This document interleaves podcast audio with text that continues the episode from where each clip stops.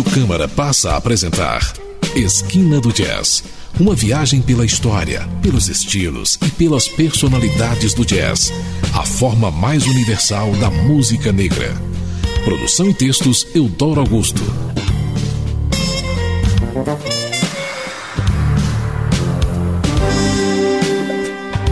Boa noite, ouvintes de Esquina do Jazz. No ar, mais uma edição deste programa, desde 2001, levando a vocês o que já aconteceu e o que está acontecendo na história do jazz. Com Jim Vaughan e Eric Clapton como mentores, o jovem guitarrista texano Gary Clark Jr. foi inicialmente apontado como o futuro do blues, mas enquanto sua estrela cresce, ele mesmo torna claro que suas ambições criativas vão um pouco mais fundo do que tornar o próximo hotshot da guitarra. Desde sua estreia em selo grande com Black and Blue, de 2012, ele vem mostrando que não está interessado em seguir a trilha dos tradicionalistas do blues. Assim, ao mesmo tempo em que há muito bom trabalho de guitarra neste The Story of Sonny Boy Slim, de 2015, nossa atração desta noite, o disco não é de forma alguma um álbum convencional de blues. Em vez disso, é um bem pensado e apaixonada amálgama de música afro-americana do passado e do presente. Na verdade, o blues é um dos muitos ingredientes cruciais dessa fórmula, ao lado do rhythm blues, do soul, do rock and roll, do gospel e do hip hop. Nosso primeiro módulo musical abre com The Healing, composição que lembra diretamente o estilo do lendário Sonny Boy Slim, e segue com Grinder, uma variante dessa mesma linha. A estrela de Clark vai brilhar de verdade na faixa seguinte, Star, que dispensa qualquer comentário. Ouviremos ainda Our Love, que encerra serenamente esse módulo inicial. Lord, I'm a hard fighting soldier, and I'm on the battlefield. I'm a hard fighting soldier, and I'm on the battlefield. I'll keep bringing soul to Jesus by the service, the service. The service. Did I bring? The service is the heart. Yeah, yeah, yeah, yeah. Something you can't